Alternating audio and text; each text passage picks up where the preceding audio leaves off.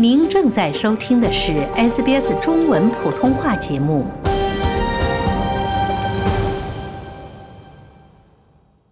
听众朋友们，早上好！欢迎您收听我们本期的《我们的故事》啊，这期我们要为您带来的是圣诞节的特别节目。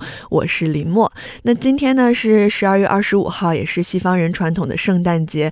我们在这儿呢也先预祝大家呢有一个平安快乐的假期。在今天的节目里呢，我们要请。Christy 来跟我们聊聊他们家的圣诞节是怎么过的。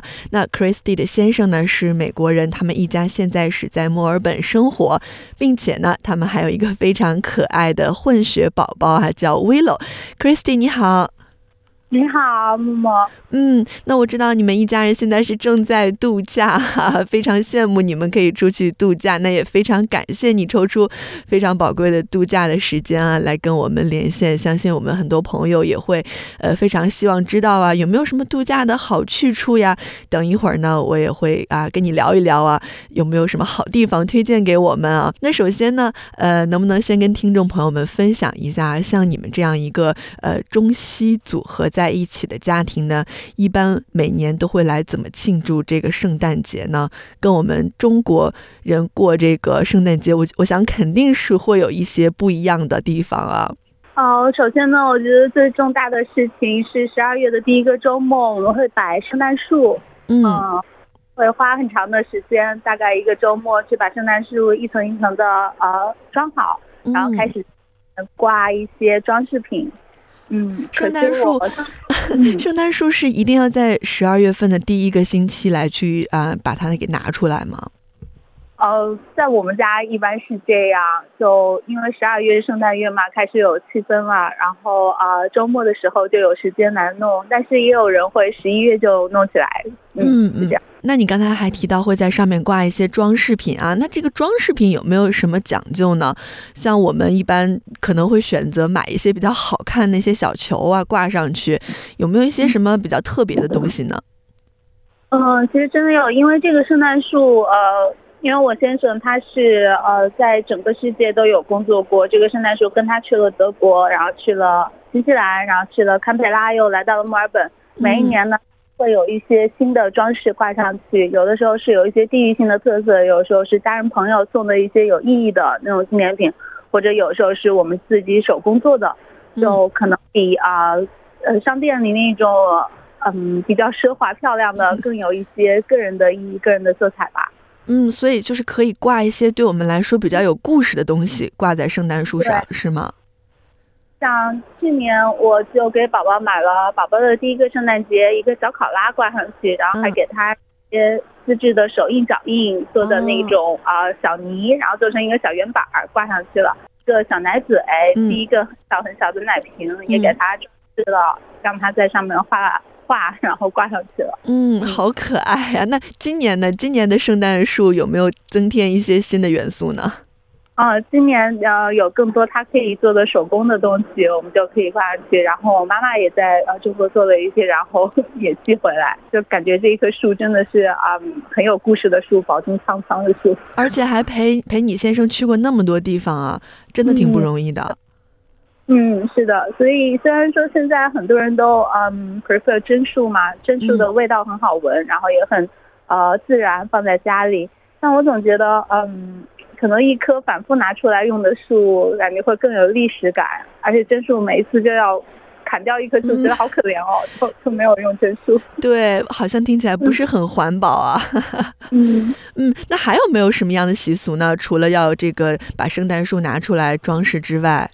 我先生很喜欢煮热红酒，嗯，就有那种香料，呃，一些八角呀，一些 spice 呀，然后煮一个圣诞的第一杯热红酒，嗯，还有叫圣诞布丁的甜点，嗯，就像个小枕头一样的，但是他们会混入一些果汁和白兰地，然后在圣诞晚餐上点燃它，然后还有一种东西叫蛋奶酒，是用鸡蛋和嗯那种超市里卖的蛋奶混合起来的，觉得呃。有点腻人，但是他们有传统的嗯啊饮食，还有什么？我想一下，这些都是比较传统的圣诞会出现在圣诞餐桌上的食物，对吗？对对，他们还有一种像呃，可能现在大家也在花店看到了，嗯，叫一品红的，很很有圣诞气息的小红花，嗯，然后有的时候也会在门前摆上一排，嗯嗯嗯嗯，那你们这个圣诞的时候啊，我觉得可能不只是圣诞节当天这一天啊，是不是从平安夜这个晚上就开始准备了呢？呃，是的，平安夜的时候一般，嗯，他们。我们会叫宝宝早一些上床睡觉。我们的宝宝现在还小，但是我先生说他的侄子侄女是这样，啊，而且他小时候也是这样啊。然后 让宝宝们准备一些牛奶曲奇啊，给圣诞老人，还有一些红萝卜给他的驯鹿。然后宝宝到以后，对，所以爸爸妈妈就开始加班加点的开始打包礼物，然后放在嗯圣诞树下。但是因为他们就会很激动嘛，小朋友肯定睡不着的嘛，嗯嗯，他们就。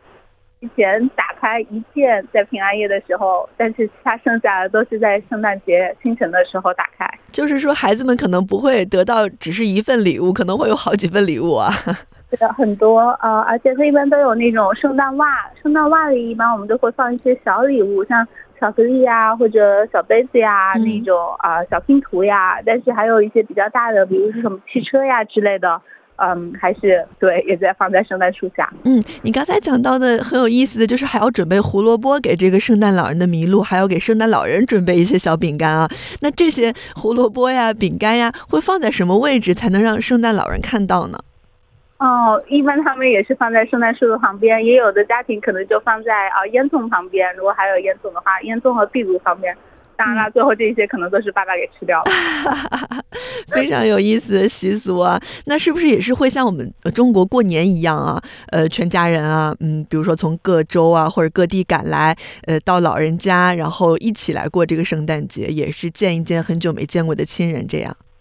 是的，是的，他们其实我觉得我们小时候都觉得外国人好像家族观念不是很强，家庭观念，但其实我觉得外国人其实家庭观念非常强。他们会提前来，然后也会提前的问一下对方家庭啊，小朋友最近喜欢什么呀？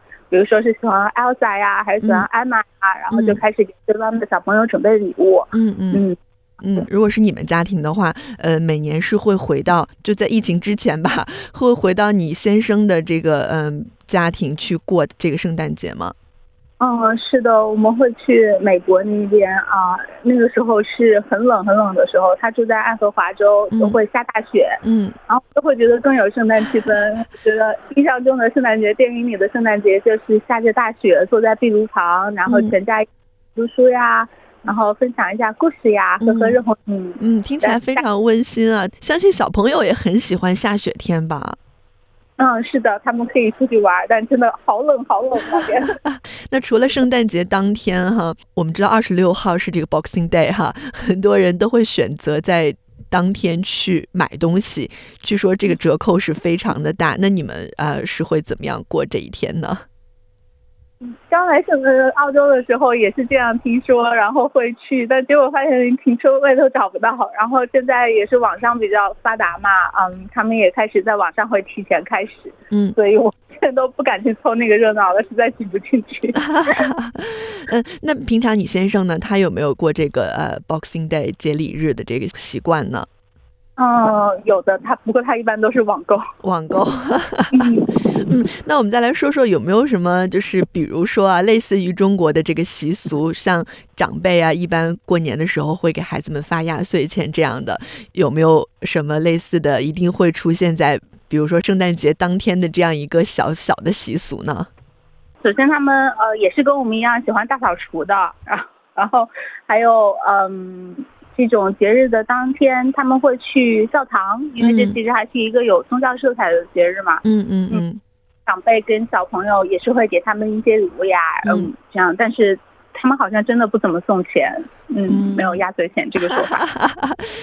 那其实对我们这个混血宝宝来说也挺好的哈，在澳洲过完这个圣诞节，然后还可以再过一个农历的新年哈，说不定有两两份礼物收呢。是呀，嗯呃，那我们呃也常常看到啊，在圣诞节的这个餐桌上啊，会出现一个呃，我个人觉得非常有意思的一个东西啊，一个长长的呃彩色的。我们叫这个彩色的拉炮啊，里面可能会藏有一些小礼品呀，或者是装饰之类的。呃，英文它叫 English crackers，就是那饼干的那个意思啊。呃，我不知道你们家有没有这个在圣诞节餐桌上放这样一个彩色拉炮的习惯呢？有的有的，首先它是很有气氛嘛，啊，它色彩缤纷，很漂亮，都放在每个人的盘子旁边。嗯啊，然后送的时候呢，就是两个人，一个人拽一边，然后就把它拉开。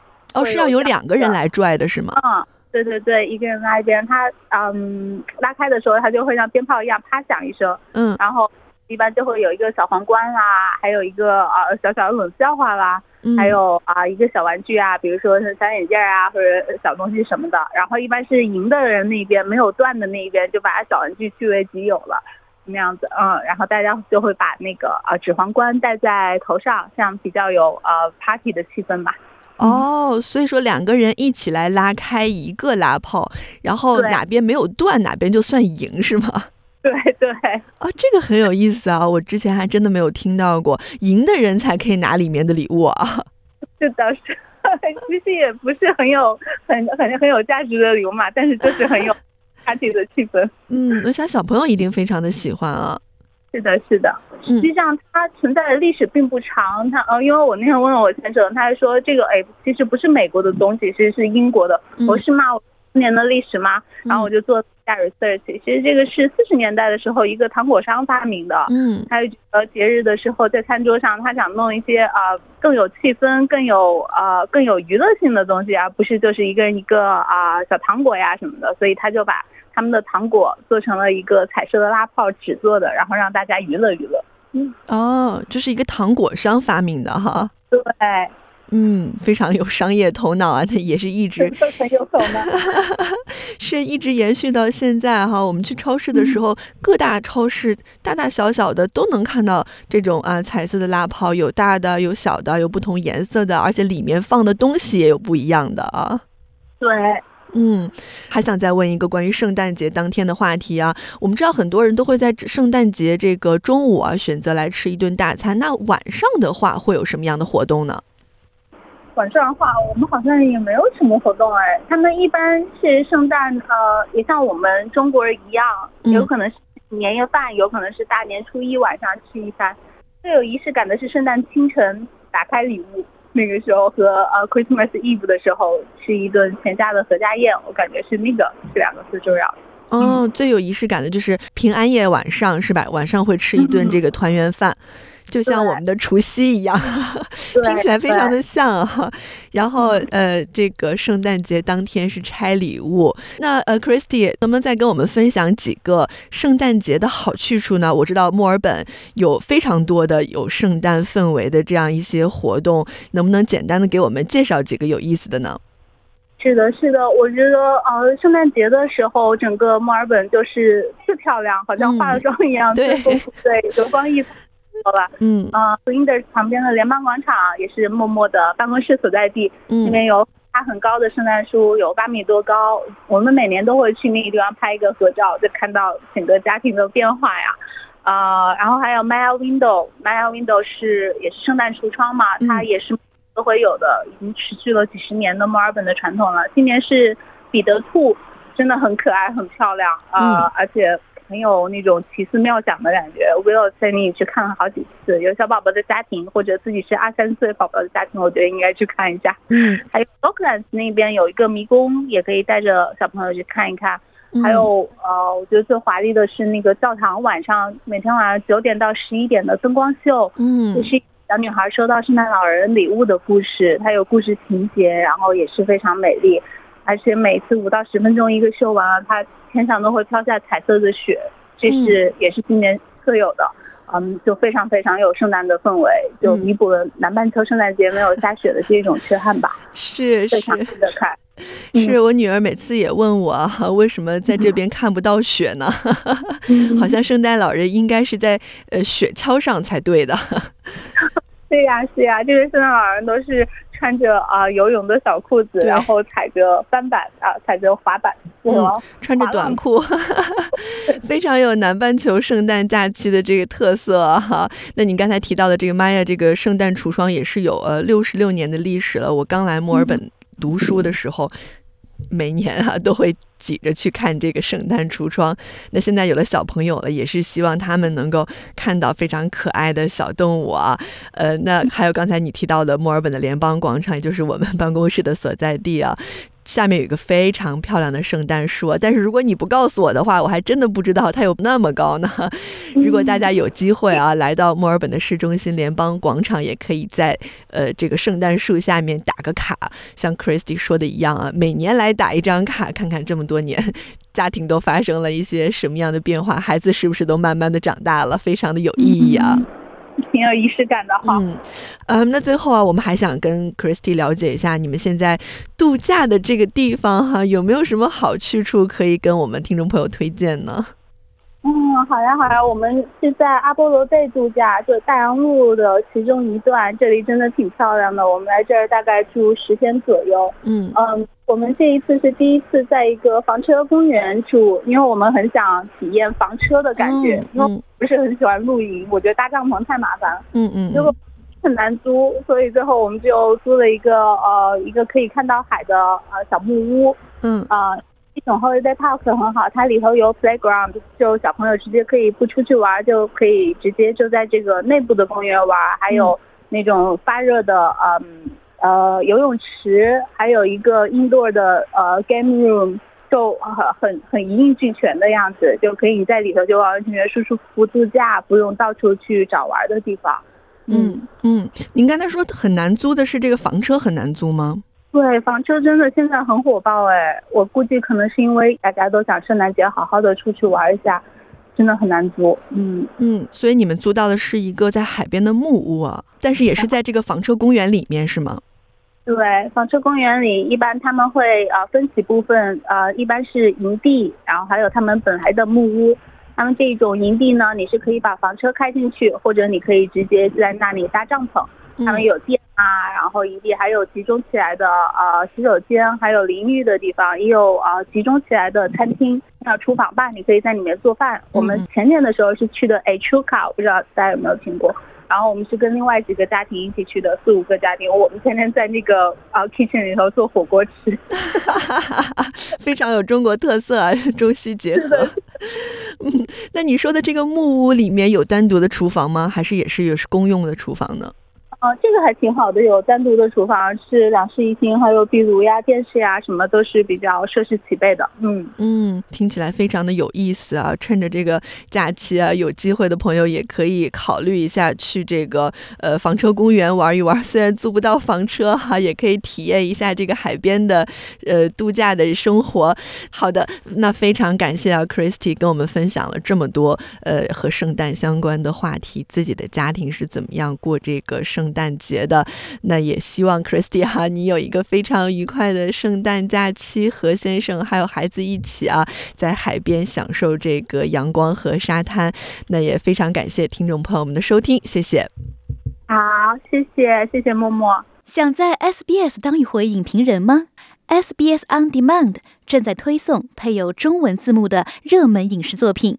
您只需观看一部或以上影视作品，并把影评观后感发给我们，就有机会赢得一份 SBS 精美礼品。